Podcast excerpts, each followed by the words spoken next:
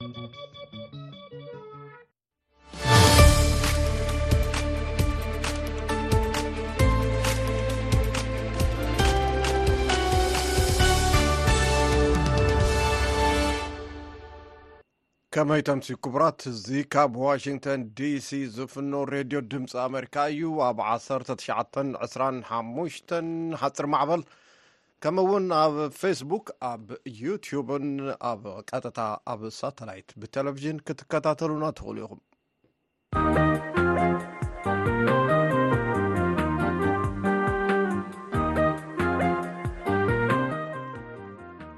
ሎሚ ሓሙስ 15 ለካቲት 224 ወይ ከዓ ሸ ለካቲት ክልተ ሽሕን ዓሰርተ ሽዱሽተን እዩ ክቡራትና ዜና ክነቕድም ኢና ብድሕሪኡ ሕማም ንፍዮ ካብ ኢትዮጵያ ክሳብ የመን ህንዲ ተዘርጊሑ ከም ዘሎ ውድብ ጥዕና ዓለም ዝገለጸሉ ሪፖርት ክነቐድም ኢና ካብኡ ኢትዮጵያ ንሱዳን ኤሌክትሪክ ከም እትሸጥ ይፍለጥ ገንዘባዊ ረብሑኡኸ ኣብ ምንታይ ኩነታት ኣሎ ሓይሊ ኤሌክትሪክ ኢትዮጵያ ዝሃቦ መግለፂ ክነቕርበልኩም ኢና ኣብ መወዳእቱ ፕረዚደንት ኣሜሪካ ዝነበሩ ዶናልድ ትራምፕ ንኣባላት ኔቶን ንሩስያን ኣመልኪቶም ዝሃብዎ ኣሰሓሓቢ ርእቶ ሎም እውን ኣዘራራቢ ኮይኑ ቀፂሎ ኣሎ ክነቕርበልኩም ኢና መደብ ጥዕና ንመቐለ ክወስደና እዩ ንክኢላ ምግብና ፕሮፌሰር ኣፈወርቂ ሙልጌታ ዘተኣናጋዲ ክኸውን እዩ ምሳና ጸኒሕኹም ክትከታተሉና ንዕድም ደጊምና ዜና ክነቐድም ካብ ምንያ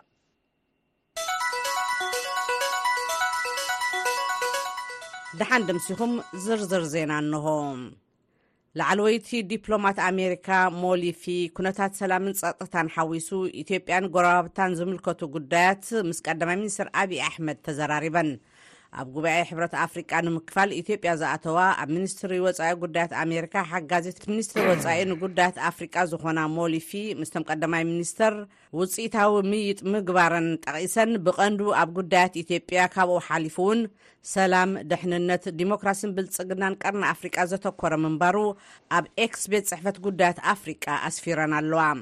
ኣብ እዋን እቲ ምይይጥ ናይ ኣሜሪካ ፍሉይ ልኡኽ ንጉዳያት ቀርኒ ኣፍሪቃ ማይክ ሃመር ዝተረኽቡ ክኾኑ ከለዉ ኣብ ብዙሓት ዛዕባታት ምዝርራቦም ቀዳማይ ሚኒስትር ኣብዪ ኣሕመድ ኣብ ማሕበራዊ ገፅ ኣስፊሮም ኣለዉ።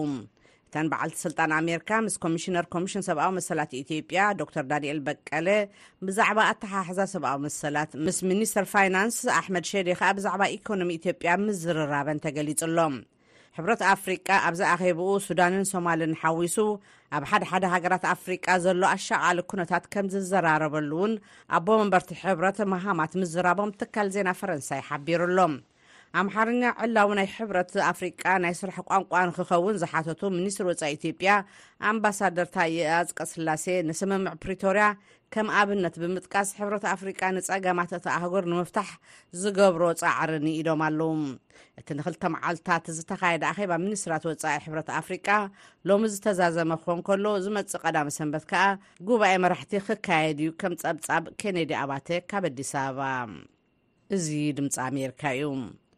ኩናት ኣብ ዝሃሰያ የመን እናገደደ ዝኸይድ ዘሎ ዓንኬል ምግዳድ ህውከት ብፍላይ ከዓ ኣብ ቀረባ ኣብ ቀይሕ ባሕሪ ብሑቲ ዝፍፀም ዘሎ መጥቃዕትታት ጠጠው ንምባል ህፁፅ ስጉምቲ ክውሰድ ናይ ሕቡራት ሃገራት ፍሉይ ልኡኽ ንጉዳይ የመን ትማሊ ረቡዕ ፀዊዖም በቶም ኣብ ቀይሕ ባሕሪ ንመራኽብ ብምጥቃዕ ኣብ ቃዛ ንዝርከቡ ፍልስጤማውያን ደገፍና ንገልጽ ኣለና ዝብሉ ደባይ ተዋጋእቲ ሑቲ ዝግበር ዘሎ ምትኹታኽ ህውከት ኣሜሪካን ብሪጣንያን መጥቃዕትታት ኣየር ክፍጽማ ደፊኡ እዩ ምእንተ እቲ ኣብ የመን ዝግበር ሽምግልና ተባሂሉ ኣብ የመን ዝርከቡ ኩሎም ወገናትን ዞባዊ ሓይልታትን ነቲ ህውከት ኣብ ምዝሓሉ ደገፍ ንክህቡ ይሓትት ኣለኹ ክብሉ ፍሉይ ልኡኽ ሕቡራት ሃገራት ሃንስ ግራንድበርግ ንባይቶ ጸጥታ ተዛሪቦም ኣለዉ ብኢራን ዝድገፉ ሑቲ፣ ዝበዝሕ ህዝቢ ንዝነብረላ ርእሰ ከተማ የመን ንዝኾነት ሰንዓ ድሕሪ ምሓዞም፣ ነቲ ዓለም ለኸ ኣፍልጦ ዘለዎ መንግስቲ ናብ ደቡብ ገፅ ናብ ዓደን ብምድፋእ ካብ ክልተ ሽሕን ዓሰርተ ሓሙሽተን ዓመተ ምህረት ጀሚሩ ብስዑዲ ንዝምራሕ ጥምረት ኣብ ምውጋእ እዮም ዝርከቡ። ካብዚ ብተወሳኺ ኣብ ቀይሕ ባሕርን ወሽመጥ ዓደንን ዝፍፅምዎ መጥቃዕትታትን ምዕራባውያን ዝህብዎ ግብረ መልስን ነቲ ከይዲ ሰላም ከም ዘተዓናቐፎ እዮም ሃንስ ግራንድበርግ ዝገለፁ።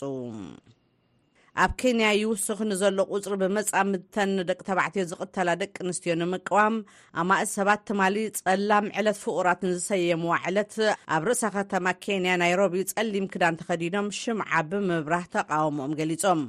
ኣብ ኬንያ ቁጽሪ ብመጻምድተን ደቂ ተባዕትዮ ዝቕተላ ደቂ ኣንስትዮ ይውስኽ እዩ ዘሎ።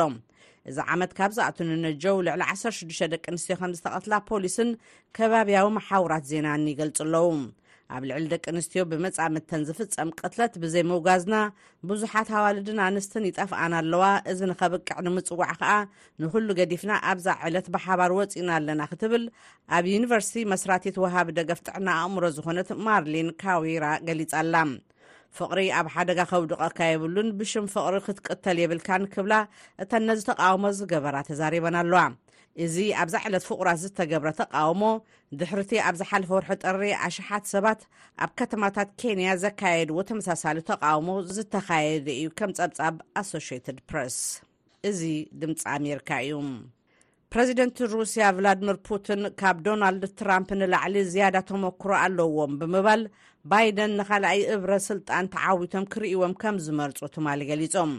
ፑቲን ምስ መንግስታዊ ቴሌቭዥን ሃገሮም ኣብ ዘካየድዎ ቃለ መጠይቕ ምስ ዝተመረጸ ፕረዚደንት ኣሜሪካ ከም ዝሰርሑ ብምግላጽ ግን ብመንጽራር ረኣያ ሩስያ ባይደን እንተዝዕወቱ ከም ዝመርጹ ብዘየማትእ ተዛሪቦም ኣለዉ። ባይደን ዝያዳ ምኩር ዝያዳ ክትፈልጦ እትኽእል ዝጸንሑ ፖለቲከኛ እዮም ዝበሉ ፑቲን ግን ህዝቢ ኣሜሪካ ምስ ዝመረጾ ዝኾነ መራሒ ሓቢርና ክንሰርሕ ኢና ኢሎም ኣለዉ ብዛዕባ ጉዳይ ጥዕና ባይደን ዝተሓቱ ፑቲን ሓኪም ኣይኮንኩን ብምባል ብዛዕባ ዝርእቶ ምሃብ ግቡእ ኣይኮነን ክብሉ መሊሶም ኣለዉ ብዛዕባ ሃገራት ኪዳን ኔቶ ብዝምልከት ኣሜሪካ ናይ ምውሳን ግደ ናታ እዩ ዝበሉ ፑቲን ንኔቶ ናይ ኣሜሪካ መሳርሒ ፖሊሲ ወፃኢ ክብሉ ገሊፆሞ ኣለዉ ሰራሕተኛታት ርእሰ ከተማ ታይላንድ ባንኮክ ብሰንኪ ነታ ከተማ ዝኸወላ ትኪ ካብ ገዝኦም ኮይኖም ንኽሰርሑ ተማዒዶም ሰበ ስልጣን ነታ ከተማ ናብ ሰራሕተኛታት ኣብ ዘቃልሕዎ መፀዋዕታ 11 ሚልዮን ዝኾኑ ነበርቲታ ከተማ ንክተሓባበሩን እቲ ነታ ከተማ ኣጋጢምዋ ዘሎ ጸገም ዝተበከለ ኣየር ድማ ክሳብ ጽባሕ ዓርቢ ከም ዝቕጽል እውን ኣፍሊጦም ኣለዉ ኣይኪዩ ኤር ዝተባህለ ትካል ቁጽጽር ጽሬት ኣየር ባንኮክ ካብ ከተማታት ዓለም መበል 11 ዝተበከለት ከተማ ከም ዝኾነት ጠቒሱ ኣሎ እዚ ድምፂ ኣሜሪካ እዩ። ፓርላማ ግሪኽ ንመርዓ ተመሳሳሊ ጾታ ዝምልከት ሕጊ ሎሚ ሓሙስ ኣጽዲቑ። እዚ ኣብታ ዓቀባዊ ኦርቶዶክሳዊ ኣማኒ ዝበዝሓ ሃገር ናይ ፈለማ ምዃኑ እዩ። እቲ ንድፊ ኣብ ባይቶታ ሃገር ንክልተ መዓልታት ዝኣክል ብርቱዕ ክትዕ ተኻይድሉ እዩ። እንተኾነ እቲ ንድፊ ማእኸላይ ፖለቲካዊ መርገፂ ብዘለዎ ሰልፊ ቀዳማይ ሚኒስተር እታ ሃገርን ካልኦት ኣርባዕተ ጸጋማውያን ሰልፍታት እታ ሃገርን ተቐባልነት ረኺቡሎም። በቲ ውሳነ ዝተሓጎሱ ዜጋታት ቀስተ ደመናዊ ባንዲራ ሒዞም ከንበልብሉ ተራእዮም ኣለዉ ነቲ ውሳነ ዝቃወሙ ወገናት ድማ ኣብ ቅድሚ ቤት ፅሕፈት ፓርላማ ናይ ተቃውሞ ኣድማ ኣስሚዖም ኣለዉ ተሪር የማናዊ መርገፂ ዘለዎም ኣባላት ባይቶታ ሃገር ድማ ነቲ ውሳነ ሕሙም ክብሉ ነፂጎሞ ኣለዉ ግሪኽ ብዝተፈላለዩ ሰብኣውን ቁጠባውን ቅልውላው ትሳቐ ዘላ ሃገር እያ ኣብ መወዳእታ ሓይልታት መጥፋእቲ ሓዊ ሩስያ ነቲ ናብ ሎሚ ሓሙስ ዘውግሕ ለይቲ ኣብ ክፍለ ሃገር ኩርሲክ ዝወረደ ባርዕ ሓዊ ንምቁፅፃር ክቃለሱ ከም ዝሓደሩ ተፈሊጡ ብመሰረት ኣመሓዳርቲ ክፍለ ሃገር ሮማን ስትራይቮት እቲ ባርዕ ብሰንኪ ድሮን ዩክሬን ዝፈጸመቶ መጥቃዕቲ ዝተፈጥረ ኢሎም ኣለዉ መባእታዊ ሪፖርታት ኣብ ልዕሊ ሰባት ሓደጋ ከም ዝወረደ ሓቢሮም ኣለዉ። ስሳን ሓሙሽተን ሰባት ኣብ ምጥፋእ እቲ ባርዕ ሓዊ ተዋፊሮም ከም ዘለዉ እውን ራይመን ይገልጹ። ዜና በዚ ተፈጺሙ።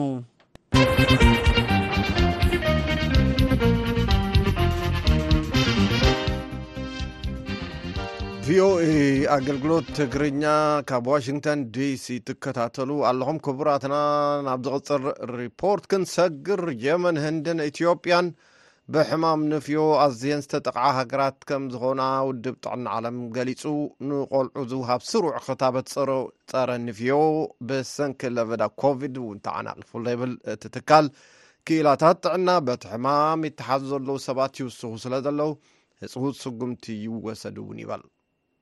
ካብ ፋውንዴሽን ታምሰን ሮይተርስ ዝተላኸ ሪፖርት ኣሎ፣ ገብረ ገብረ መድን ከቕርቦ እዩ።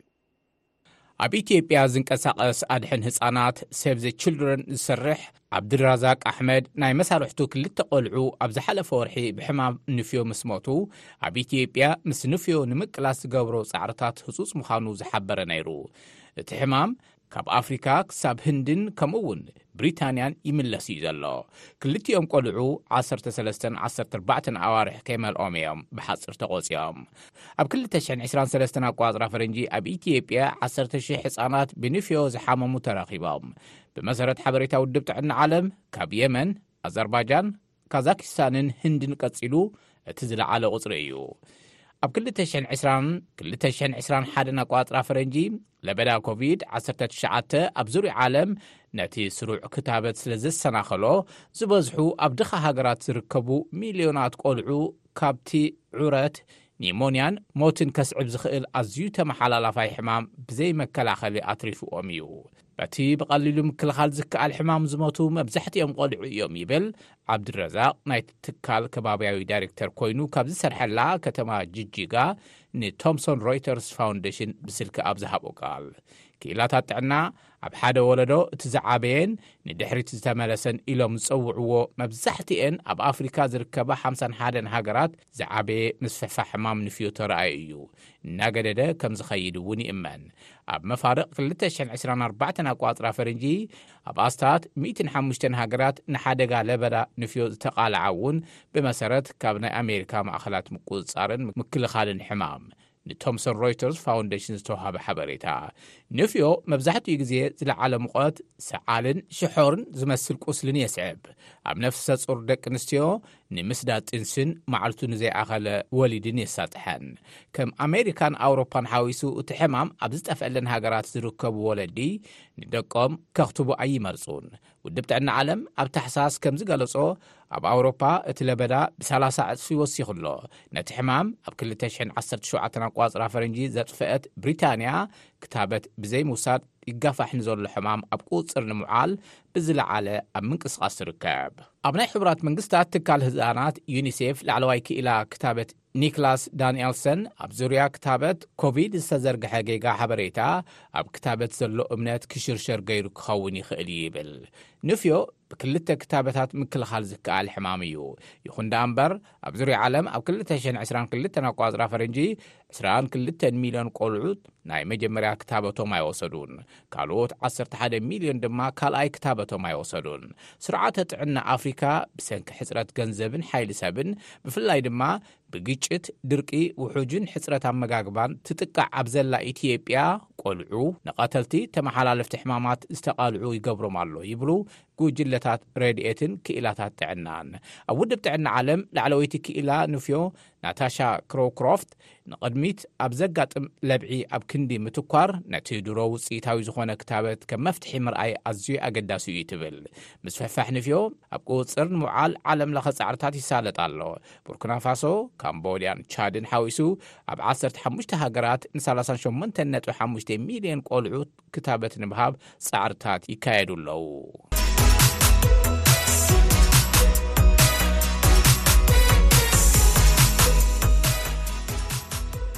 ናብ ቀርኒ ኣፍሪቃ እንደገና ክንመልሰኩም ኩናት ሓድሐድ ሱዳን ኣብ ልዕሊ እቲ ኢትዮጵያ ናብ ሱዳን እትልእኹ መጠን ሓይሊ ኤሌክትሪክ ፅልዋ ከም ዝሐደረ ዳይረክተር ርክባት ሓይሊ ኤሌክትሪክ ኢትዮጵያ ኣቶ ሞገስ መኮንን ንድምፂ ኣመሪካ ገሊፆም ኣለው ኣብ ርእሲ እቲ ሰደድ ሓይሊ ምጉዳል፣ ሱዳን ክትከፍሎ ዝነበራ ልዕሊ 70 ሚልዮን ዶላር ክሳብ ሎሚ ከም ዘይከፈለት እቶም ዋሃቢ ቃል ገሊጾም ኣለው። ገብረ ሚካኤል ገብረ መድህን እዩ ከቕርቦ። ኣብዚ ሕዚ እዋን ናብ ጅቡቲ፣ ሱዳንን ኬንያን ካብ ሓደ ሚእቲ ክሳብ ክልተ ሚእቲ ሜጋዋት ሓይሊ ኤሌክትሪክ ትሰድድ ዘላ ኢትዮጵያ፣ ካብ መሸጣ ሓይሊ ኤሌክትሪክ ኣብቲ ዝሓለፈ ዓመት ሓደ ሚእትን ሓደን ሚልዮን ዶላር ሎምዘበን ኣብ ፍርቂ ዓመት ድማ ኣርብዓን ሸውዓተን ነጥቢ ሓሙሽተ ሚልዮን ዶላር ከምዝረኸበት ዳይሬክተር ኮሚኒኬሽን እቲ ትካል ኣቶ ሞገስ መኮነን ንድምጺ ኣሜሪካ ተዛሪቦም። እንተኾነ ግጭት ሱዳን ኣብ መሸጣ ሓይሊ ኤሌክትሪክ ኢትዮጵያ ጽልዋ ከምዘሕደረ ገሊጾም። የሱዳን የርስ በርስ ግጭት በተለይ ከኛ ኣንጻር ስናዮ። ኩናት ሕድሕድ ሱዳን ብፍላይ ብወገንና እንትረኣ ልዕል ጽልዋ የሕዲሩ። እዚ ድማ ብኽልተ መልክዑ እዩ ዝረኣ። እቲ ቀዳማይ ብሰንኪ እቲ ኲናት ናይታ ሃገር ትሕተ ቅርጺ እናዓነወ እዩ ዘሎ። ካብቲ ዝዓኑ ዘሎ ትሕተ ቅርጺ ድማ መስመራት ሓይሊ ኤሌክትሪክ ይርከብዎ። በዚ ምኽንያት ናብ ሱዳን ክንዲ እቲ ዝድለም ሓይሊ ኤሌክትሪክ ክንሰድድ ኣይከኣልናን።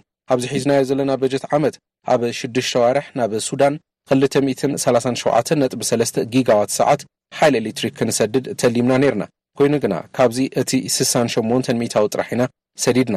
ካልኣይ፣ እታ ሃገር ቅድሚ ሕዚ ንዝተጠቐመትሉ ሓይሊ ኤሌክትሪክ ክትኸፍሎ ዝነበራ ልዕሊ ሰብዓ ሚልዮን ዶላር ናይ ኣገልግሎት ክፍሊት ኣይፈጸመትን። እዚ ብሰንኪ እቲ ኣጋጢምዋ ዘሎ ኲናት ማለት እዩ። ናይቲ ኲናት ጽልዋ ብግልጺ እዩ ዝረኣ። እንተኾነ ሓይሊ ኤሌክትሪክ ኢትዮጵያ ከም ሓደ እሙን ዓሚል ናብታ ሃገር ሓይሊ ኤሌክትሪክ ምስዳድ ከምዝቕጽለሉ ኣፍሊጦም። ኢትዮጵያ ናብ ጎረባብቲ ሃገራት እትሰዶ መጠን ሓይሊ ኤሌክትሪክ እናዓበየ ከምዝኾነ ዝገለጹ ኣቶ ሞገስ፣ ሕዚ እውን ዝተፈላለያ ሃገራት ሕቶ የቕርባ ምህላወን ተዛሪቦም።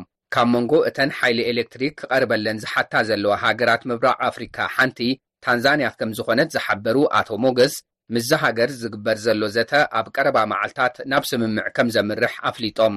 ታንዛንያ ጎረቤት ኬንያ ስለዝኾነት ድማ ድሕሪ እቲ ዝግበር ስምምዕ ካብ መስመር ኢትዮ-ኬንያ ሓይሊ ኤሌክትሪክ ከምትረክብ ገሊፆም። ኢትዮጵያ ካብ መሸጣ ሓይሊ ኤሌክትሪክ እትረኽቦ ኣታዊ እናዓበየ ኣብ ዘለሉ ግዜ ካብ ውሽጢ ሃገር ዝስማዕ ተቓውሞ ኣሎ። ንሱ ድማ ጠለብ ውሽጢ ዓዲ ከይተማልአ ንምንታይ ናብ ወፃኢ ይሽየጥ ዝብል እዩ። ብዛዕባ እዚ ጉዳይ ዝተሓተቱ ኣቶ ሞገስ፣ የሃገር ውስጥ ፍላጎት ሳይሟላ የሚለውን በተለየ መንገድ ነው ማየት የሚገባን አንደኛ፣ ጠለብ ውሽጢ ዓዲ ከይተማልአ ንምንታይ ናብ ወፃኢ ይሽወጥ ኣሎ ዝብል ሕቶ ብፍሉይ ክረኣ እዩ ዘሎ። ሓይሊ ኤሌክትሪክ ኢትዮጵያ ቀንዲ ስርሑ ሓይሊ ኤሌክትሪክ ምምንጫውን ንዓበይቲ ተጠቀምቲ ብጅምላ ምክፋልን እዩ። ካባና ተቐቢሉ ነቲ ህዝቢ ዘብፅሕ ኣገልግሎት ኤሌክትሪክ ኢትዮጵያ እዩ። ኣብዚ ሐዚ እዋን ዋሕዲ ቀረብ ሓይሊ ኤሌክትሪክ የለን። እኹል ቀረብ እዩ ዘለና። ኮይኑ ግና ትሕተ ቅርፂ ዘይተዘርገሐለን ከተማታትን መንደራትን ኣለዋ። እዚኤን ተጠቀምቲ ሓይሊ ኤሌክትሪክ ንክኾና ብወገን መንግስቲ ዝተፈላለዩ ስራሕቲ እናተሳለጡ እዮም። ክሳብ ሐዚ እውን ብርክት ዝበላ ከተማታት ሓይሊ ኤሌክትሪክ ረኺበን እየን።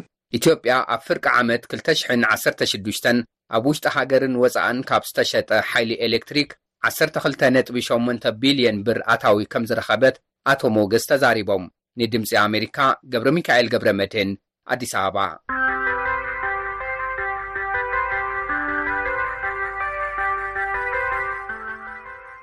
ሳልሳይን መወዳእታን ሪፖርት ናብ ስልጣን እንተተመሊሰ ንወፃኢታት ምክልኻል ንዝተነፀረ ክፍሊት ዘየማልኣ ኣባል ሃገራት ኔቶ ኣይከላኸለለን ይብሉ ፕረዚደንት ኣመሪካ ዝነበሩ ዶናልድ ትራምፕ።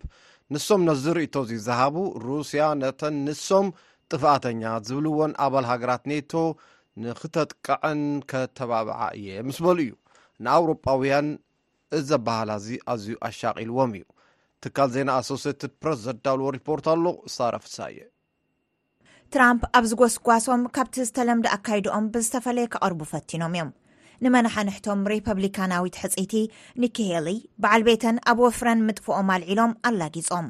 ከምኡ ውን ቅድም ክብሉ ንፕሬዚዳንት ሩስያ ቭላድመር ፑቲን ንኢዶም ዝሃብዎ ርእቶታት እውን ዘመሓይሽዎ ይመስሉ ኣብ ክንድኡ ትራምፕ ነቲ ፑቲን ምስ መንግስታዊ ቴሌቭዥን ሩስያ ኣብ ዘካየድዎ ቓል ምሕተት ፕሬዚዳንት ባይደን ክቕፅሉ ከም ዝመርፁ ዝተዛረብሉ ብምጥቃስ ፑቲን ናተይ መድንቓይ ኣይኮነን ክብሉ ተዛሪቦም ኣብ እዋን ምምሕዳር ትራምፕ ኣምባሳደር ኣሜሪካ ንሕቡራት ሃገራት ዝነበራ ኣብዚ ዝካየድ ዘሎ ፕሬዚዳንታዊ ውድድር ሪፐብሊካን ድማ ናይ መወዳእታ መናሓንሕቶም ኮይነን ዝርከባ ሄሊ ነቲ ሃገራዊ ልእኽቲ ሒዞም ኣብ ኣፍሪካ ተዋፊሮም ዝርከቡ በዓል ቤተን ኣመልኪተም ኣብ ዝሃብዎ ርእቶ ንመዓልታት ክኹንንኦም ቀንየን እየን ትራምፕ ኣብቲ ናይ ትማሊ ወፍሮም እውን ንንኬሊ ምዝላፎም ቀጺሎምን ነቲ ብሰፊሕ ኣፈላላይ ዝመርሕዎን ዘለዉ ተቐባልነቶም ከጉልሑን ፈቲኖም ዝያዳ ግን ኣቓልብኦም ኣብቲ ኣብ ሓፈሻዊ ምርጫ 224 ቀንዲ መወዳድርቶም ክኾኑ ተፅቢት ዝግበረሎም ፕሬዚዳንት ጆ ባይደን ዝለዓለ ጠመተ ክገብሩ እዮም መሪፆም ባይደን ብወገኖም ነቲ ትራምፕ ምስ ኔቶ ተታሓሒዙ ዝሃብዎ ርእቶ ሓደገኛ ዘይ ኣሜሪካዊን ዘሰንብድን ኢሎምዎ ከምኡ ውን ዩክሬን ወራር ሩስያ ንምምካት ኣብ እትገብሮ ቓልሲ ናይ ወፃኢ ሓገዝ ክትረክብ ምድፍኦም ቀፂሎም ትራምፕ ግን ነቲ ተግባር ብምቅዋም ኣብቲ ናይ ትማሊ መደረኦም ኣብ ክንዲ ሓገዝ ንዩክሬን ብመልክዕ ልቓሕ ክወሃባ ከም ዝግባእ ገሊፆም ስለምንታይ ኢኻ ብናፃ ትህቦም ዘለኻ ክብሉ እውን ተዛሪቦም ወሃቢ ቓል ወፍሪ ዳግመ ምርጫ ባይደን ነቲ ናይ ትማሊ ረቡዕ መደረኦም ምስ መዓልቲ ፍቑራት ብምትሕሓዝ ዶናልድ ትራምፕ ንቭላድመር ፑቲን ብዝኽእሎ ብሉፅ ውህብቶ መዓልቲ ፍቑራት ሂብዎም እዩ ኢሎም ከምኡ ውን ትራምፕ ነቲ ንኣምባሳደር ኒክሄሊን ኣፈ ጉባኤ ባይቶ ኣሜሪካ ዝነበራ ናንሲ ፔሎሲን ዝሓዋወሰ ኣብ ዝሓለፈ ወርሒ ጥሪ ብዛዕባ ኣእምራዊ ብቕዓቶም ሕቶ ዘልዓለ መደናገሪ ዘረብኦም ከብርሁ ፈቲኖም ሰማንያን ሓደን ዓመት ዝዕድሚኦም ባይደንን ሰብዓን ሸውዓተን ዓመት ዝዕድሚኦም ትራምፕን ንዕድሚኦምን ንዳግመ መረፃ ዝገብርዎ ዘለዉ ድልውነትን ካብቶም ኣብ መረፅቲ ሰፊ ሕቶታት ዘልዕሉ ዘለዉ ጉዳያት እዮም ንሶም ግን ኣነ ናይ ክልትኤን ደጋፊ ኮንኩን ብምባል ክልትኤን ሓደ ብምዃነን ኮነ ኢሎም ንኣስማተን ከም ዝሓዋውስዎ ተዛሪቦም ካልእ ትራምፕ ነቶም ኣብ ዝሓለፈ ዓመት ወርሒ ሕዳር ካብ ፕሬዚዳንታዊ ውድድር ኣቋሪፆም ዝወፁ ሰኔተር ሳውት ካሮላይና ቲም ስኮት ክንእድዎም ተሰሚዖም እዮም ኣብቲ ናይ ትማሊ ረቡዕ ኣብ ደቡብ ካሮላይና ዝነበረ ወፍሮም ሓዊሱ ንትራምፕ ብምድጋፍ ጎስጓስ ዝገብሩ ዘለዉ ስኮት መሻርክቲ ምርጭኦም ክኾኑ ከም ዝኽእሉ እዩ ዝግመት ትራምፕ ኣብቲ ናይ ትማሊ ወፍሮም ንዕኦም እውን ንዓይ ኣብ እትገብሮ ጎስጓስ ኣዝዩ ዝበለፀ ሕፁ ኮንካ ክብሉ እውን ተዛሪቦም ኣመሓዳሪት ካሮላይና ኣብ ዝነበራሉ እዋን ንስኮት ናብ ሴኔት ኣሜሪካ ከም ዝሓፀየኦም ዝዝከር እዩ።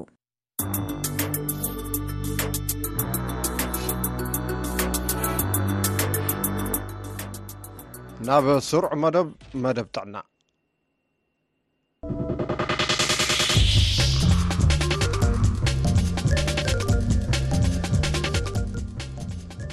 ኣብ ዩኒቨርሲቲ መቐለ ዝምህር ፕሮፌሰር ኣፈወርቂ ሙልጌታ ብስልጠናታትን ኣስተምህሮታትን ስርዓት ኣመጋግባ ኣቢሉ ኣብ መወከስቲ ሆስፒታል ዓይደርን ካልእ ጥዕናዊ ትካላትን ሞያዊ ምኽርን ምርምርን የሳልጥ ኣብ እዋን ኩናት ትግራይ ብፍላይ ንዝተጸገማ ኣደታት ዝሕግዝ ዝነበረ ፕሮፌሰር ኣፈወርቂ ኣብ ትግራይ ተርእዮታት ጥምየት ኣብ ዘጋጠመሉ እዋን እውን ተመሳሳሊ ተበግሶ ኣበጊሱ ይሰርሕ ከም ዝነበረ እቲ ሪፖርት ይገልጽ ጋሻ መደብ ጥዕና ኮይነሎ ሙልጌታ ኣፅብሃ እዩ ዓዲምዎ ፕሮፌሰር ኣፈወርቂ ሙልጌታ ንኣስታት ሰላሳን ክልተን ዓመታት ኣብ ዘፈር ጥዕና ሰሪሖም እዮም። ኣብዚ ሐዚ እዋን ኣብ ዩኒቨርሲቲ መቐለ ኮሌጅ ጥዕና ሳይንስ መወከሲ ሆስፒታል ዓይደር መምህርን ተመራማርን ጥዕና ሕብረተሰብ እዮም። ኣብ ግዘ ስርሖም እቲ ዝኸበደን መጨነቕን ግዜ ነይሩ ኢሎም ዝፀውዕዎ ኣብ ዝሓለፎ ዝተኻየደ ናይ ክልተ ዓመታት ኲናት ምንባሩ ይዛረቡ። ኣይኮነን ነይርካዮስ ክትግምቶ ኸቢድ እዩ ነይሩ። ንበልዐሉ ንስእነሉ ኹነታት ነይሩ። ኣብዚ ነርካ ኢካ ትፈልጦ ኢካ ብደንቢ ኣብ ገዛ ቆልዑ ሒዝካ ምንም ዘይፈልጡ ብዛዕባ እዚ ጉዳይ እዚ ዘይፈልጡ ባንኪ ተዓጽዩ እዩ ክትብሎም ዘይርድኦም ከምዚ እኮ እዩ ኮይኑ ክትብሎም እውን ዘይርድኦም ከመይ ጌርካ እሞ ቅርሺ ኢክሊ ገለ ይጠፍእ ኢልካ ክተረድኦም ብጣዕሚ ዝከብዶም ህጻውንቲ ቆልዑ ሒዝካ ክትነብር ኣብቲ ዝነበርናዮ ኩነታት ኣዐርዩ እዩ ከቢድ ነይሩ። ካብ ዝነበርኩዎ ዕድመይ ኩሉ ከምኡ ዝበለ ነገር ኣጋጢሙኒ ኣይፈልጥን፣ ከጋጥመኒ እዩ ኢለ እውን ሓሲበ ኣይፈልጥን። ብፍላይ ንሰብ ሞያ ጥዕና ድማ እቲ ግዘ ከቢድ ምንባሩ እዮም ፕሮፌሰር ኣፈወርቅ ተዛሪቦም። እቲ ናይ ጥዕና በዓል ሙያ ደብል በርደን ወይ ዝገደደ ሓላፍ ናባዕሉ ናባዕሉ ሸክሚ ከይኣኽሎስ ናባዕሉ ሽግር ከይኣኽሎስ ዝተሸገረ ሰብ ድማ እንደገና ክሕክም ዝተሸገረ ሰብ ክኣሊ፣ ዝተሸገረ ሰብ ክሕግዝ ድማ ተወሳኺ ሓላፍነት ነይርዎ። ኣብዚ ሰሜን ፓል ጥዕና ጣብያ ኣሎ። ኣዴታት ይመፃ፣ ታይ ኮይነን ቆልዓ ሓሚምወን ወይ ቆልዓ ጠምይወን፣ ብጥምየት ክሓምም ይኽእል እዩ፣ ብኻሊእ ነገር እውን ክሓምም ይኽእል እዩ፣ ግን ጠምዩ እንድሕር ኮይኑ ድማ እቲ ሕማም እንዳተጋደደ እዩ ዝኸይድ። ሓደ ኣዴታት ናብ ጥዕና ትካል መጺኤን ናብ ጥዕና በዓልሙያ ድማ ካሊእ ክገብር ኣይኽእልን እዙይ ግበርሉ እዙይ ግበርሉ እዩ ክብል ዝኽእል ንሓብቲ ኣዶ ድማ ዝግበር ነገር የብላን ስለዚ ኣነስ እንታይ እየ ክገብረሉ እንኳን መድሓኒት ክገዝኣሉስ ዘብልዖ ነገር የብለይን እና መድሓኒት እውን ኣይገዝእን ትብል እታ ኣዶ ስለዚ ኣይኮነን መድሓኒት ክገዝኣሉስ ንባዕሉ እውን ዝገብሮ ነገር የብለይን እና እዚ ቆልዓ እዙይስ ውሰድዎ እንዶ በዓልትኹም እውን ዝግበር ግበር ወክ ኣዶ ካብ ውላዳ ንላዕሊ ምንም ነገር የብላን ኣብዚ ዓለም እዚ ግን ውላዳ ውን ከምኡ ጨኒኡዋ ተብልዖ ነገር ስለ ዘይብላስ ታይ እየሞ ዳኣ ዝገብሮ ዝቆልዓ እዚስ ባዕልኩም እንዶ ዳኣ ዝክወን ነገር ግበሩለይ ዝበለትሉ ግዜ ኣብ እዋን ኩናት ካብ ሕልንኦም ዘይጠፍእ ድማ ብቴሌቭዥን ዝርኣይዎ ከምዚ የዘንቱ። ምሸት ሓደ መዓልቲ ከፊልና ኣብ ገዛ ማለት እዩ ከመይ ዝበለት ጽብቅቲ ትግራወይቲ ኣዶ ብጣዕሚ ወረጃብ ኣዶ ማለት እዩ ጽቡቃት ቆልዑ ዘለውዋ ኣብ ቴሌቪዥን ትግራይ ቆጽሊ ተውልዖ ምሸት ተራእዩ ኣብ ትግራይ ኣብ ናይ ቴሌቪዥን ትግራይ ድሙቅ ቆጻል ከለር ዘለዎ ቆጽሊ ይበልዑ ክሳዕ ሕዚ ኣነ ኩልሻዕ እዩ ቪቪድሊ ዝረኣየኒ እቲ እታ ኩነታት ንሳ ማለት እዩ ንሱ ምሸት ርኢና ንጎሆ ናብ ዓይደር መጺእና ነዞም ኣብዚ ዘለዉ መሓዙተይ ኣዛሪበዮም እንታይ ኢና ንገብር ንኽእል በዚ ጉዳይዚስ ታይ ክግበር ዝኽእል ነገር እኒሂ ኣብዚ ዝነበርና ከፍ ኢልና ሰዚ ቆጽላ ተብልዐላ ሕዚ ንጠርዖ ሰብ የለን እገለ ንዓዚ ይግበር እዚ ንዓ ግበረልና ወይ ንጠርዐሉ መንግስቲ የብልና ኣብቲ ሰዓት ንሱ ኣብ ኩናት ኢና ዕጽዋ ኢና ዝኒሀና ባዕልና ታይ ክንገብር ንኽእል ተባሂልና ምስ መሳርሕቶም ብዛዕባ እቲ ጉዳይ ምስ ዘተዩሉ፣ ኣብቲ ግዘ ንሰራሕተኛታት ሆስፒታል ዓይደር ካብ ዝመፀ ሓገዝ ምግቢ፣ ኣብ ፀገም ካብ ዝርከብ ሰራሕተኛ ባዕሉ ሕሩጭ ብምእካብ ንዝተፀገማ ኣዴታትን ደቀንን ንክኸውን ምትእኽኻብ ከምዝጀመሩ ሓቢሮም። ሕሩጭ ረኺብና ኣብዚኣ ኣብዚኣ ኣኪብናየን ተን ኣርባዕተን ፈረቓን ማለት እዩ። ኣብዚኣ ተኣኪበን ታብኡ ሽሮ የለን ሽሮ ከገገዛኹም ኣምፅኡ ተባሂሉ። ንገዛና ከይድና ካብ ገገዛና ማለት እዩ ሽሮ ኣምጺእና ብናይ ሻሂ ብናይ ሻሂ ብርጭቆ ዘምጽእ ብናይ ሻሂ ብርጭቆ ኣምጺኡ ብንእሽተይ ወረቐት ከምዚ ቡና ሽኮር እኒሄዎዶ ዝግበር ከምኡ ጌርና ጥቕሊልና ኣምጺእና ንሰን እውን መጺኤን እተን ሽሮ ዝሰተን እውን መጺኤን እተን ሽሮ መስተዪ ኣምጺእና መብልዒ እውን ኣምጺእና ከካብ ገዛና። ሊሳ ኪሽነ ኢሎም ዝሰየምዎ እዚ ከይዲ ኣብ ከተማ መቐለ ጣብያ ጥዕና ሰሜን ነዴታትን ህፃናትን ምግቢ ምቕራብ ከምዝጀመረ ይዛረቡ ፕሮፌሰር ኣፈወርቅ። ኣብታ ናይ መጀመርያ መዓልቲ እዚ ሰንኪትና ሰሪሕናያ ዝኒሀና ንሰላሳ ምሳሕ ንክበልዓ እዩ። እንዳተፀበና እንተለና ሚእትን ሳላሳን ገለ ነዴታት ይመፃ ቆልዑ ሒዘን። ምስ መሳርሕቶም ዝጀመርዎ ሰብኣዊ ስራሕቲ ካልኦት ሰባት እውን ስለዝፈተዉ ነቲ ምንቅስቓስ ምድጋፍ ምጅማርም ዝተዛረቡ ፕሮፌሰር ኣፈወርቅ ንሳላሳ ኣዴታት ዝተጀመረ ምገባ ናብ ሓደ ሽሕን ክልተ ሚእትን ዓብዩ ኢሎም። ኣብ ሓደ ጣብያ ጥዕና ይወሃብ ዝነበረ ድማ ኣብ ከተማ መቐለ ናብ ኣርባዕተ ጣብያታት ጥዕና ሰፊሑ ምንባሩ ዝገለፁ ኮይኖም ንሰራሕተኛታት መንግስቲ መሃያ ምኽፋል ምስ ተጀመረ ድማ ኣብ ዝሓለፈ ዓመት ወርሒ ሚያዝያ ነቲ ምገባ ከም ዘቋረፅዎ እዮም ሓቢሮም። ኣብቲ እዋን ነዴታትን ህፃናትን ካብ ዝግበር ዝነበረ ምገባ ብተወሳኺ ንኣብ ፀገም ዝርከቡ ሓካይም እውን ምግቢ ምቕራብ ጀሚሮም ነይሮም እዮም። ጥዕና በዓል ሙያ ዓብዪ ሓላፍነት እዩ ነይርዎ። ናይ ባዕሉ ሸኽሚ ዘይኮነስ ከምዚ ዝበለ ዝሳቐ ህዝቢ እውን ክሕግዝ፣ ሓሚሙ ዝመጽእ ክሕግዝ፣ ሓሚሙ ዝመጽእ ክሕክም በታ ዝነበረቶ ኣብዚኣ ይውዕል ነይሩ እዩ። ግን ኣብዚ ዓይደር ዝነበረ ሰራሕተኛታና እውን ባዕሉ ምሳሕ ከይሓዘ እዩ ዝመጽእ፣ ኣብዝሓ ማለት እዩ። ዝቋጸር ነገር ስለ ዘየለ ኣብ ገዛ። ስለዚ ኣብዚኣ ውዒሉ ድማ ሕሙም ከለዓዕል ኣይኽእልን። ንባዕሉ ጠምዩ ሕሙም ከላዕል፣ ሕሙም ክሽከም፣ ሕሉም ሕሙም ክድግፍ፣ ሕሙም ክሓጽብ፣ ዓራት ከንብ፣ ብዙሕ ስራሕ እዩ ዝኒሀና ኣብዚ። ስለዚ ንሱ ንዝነበሮም ሰባት ድማ ከምኡ ዝበለ ሽግር ንዝነበረና ከባቢ ሚእትን ሓምሳን ዝኾኑ ሰራሕተኛታት መዓልታዊ ምሳሕ ነቕርብ ኔርና። ኣብዚ። ኣብዚ ሐዚ እዋን ዘሎ ጥሜት ስዒቡ ድማ ምስ መሳርሕቶም ብምዃን ካብ ናይ ባዕሎም እናዋፅኡ ንሓምሳ ሰባት ወርሓዊ ኣብ ገጠር ከባቢታት ሓገዝ ምግቢ ምሃብ ጀሚሮም እዮም። ክሽነ ሊሳ ሽዑ ብፋሲጋ በቃ ተመሰጋጊንና ምስተን ኣዴታትና ፋሲጋ ብሓባር ኣብዒልና ኢና ዓፂናያ። ሐዚ ግን ከምዚ ዝረኣኻዮ ካሊእ ሽግር መፂኡና። ደሓር ከፍ ኢልና ሐዚ እውን ተመሊስና ታይ ድኣ ክንገብር? ሽግረኛ ዝኾነ ዝበልዓ ዘይብሉ ሒዝናዮ ንውጻእ ሳዕ መጨረሻ ዓርሱ ክሳዕ ዝኽእል ኢልና ተማኺርና ሕዚ ሊሳታ እያ ትገብር ሓደ ሰብ ትሕዞ በብወርሒ ዓሰርተ ሓሙሽተ ኪሎ ሕሩጭ ትህቦ እንደገና ንጸብሑ ዝኸውን እውን ሓደ ነጥቢ ሓሙሽተ ኪሎ ብርሽን ትህቦ እንደገና ምስኣን ፍርቂ ኪሎ ዝኸውን ጨው ትህቦ እንደገና ሓደ ሊትሮ ዝኸውን ዘይቲ ትህቦ። እዚኣ ጥራሕ ኣይኮነትን፣ እታ ስታንዳርድ ፉድ ባስኬት ትበሃል ከይሸጣን ምእንቲ እውን ስለ ንደሊ ፍርቂ ኪሎ በርበረ እውን ጥሑን በርበረ ንህቦ። ሓገዝ ምግቢ ካብ ምሃብ ብተወሳኺ እቶም ሓገዝ ዝረኽቡ ሓረስቶት ቀፃሊ ክራማት እቶት ንከዕብዩ ምሩፅ ዘርእን ዘመናዊ ድኹዕን ንከቕርብሎም ትልሚ ከም ዘሎ ዝሓበሩ ፕሮፌሰር ኣፈወርቅ ኣብ ቐፃሊ ዓመት እቶት ምስ ሓፈሱ እዩ እቲ ሓገዝ ጠጠው እነብሎ ኢሎም። ንድምፂ ኣሜሪካ ሙልጌታ ፅበሃ መቐለም።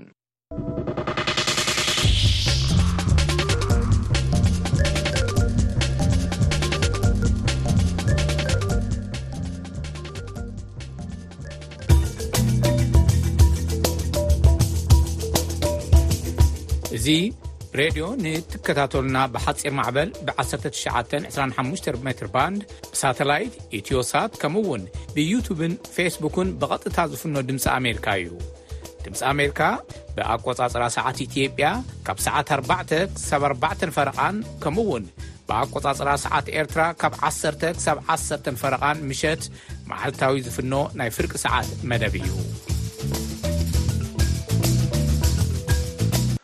ክቡራትና ምሳና ጸኒሕኹም ስለ ዝተኸታተልኩምና ኣዜናና ነመስግነኩም ጽባሕ ዓርቢ ክሳብ ንራኸብ ሰላም ድሓን ሕደሩ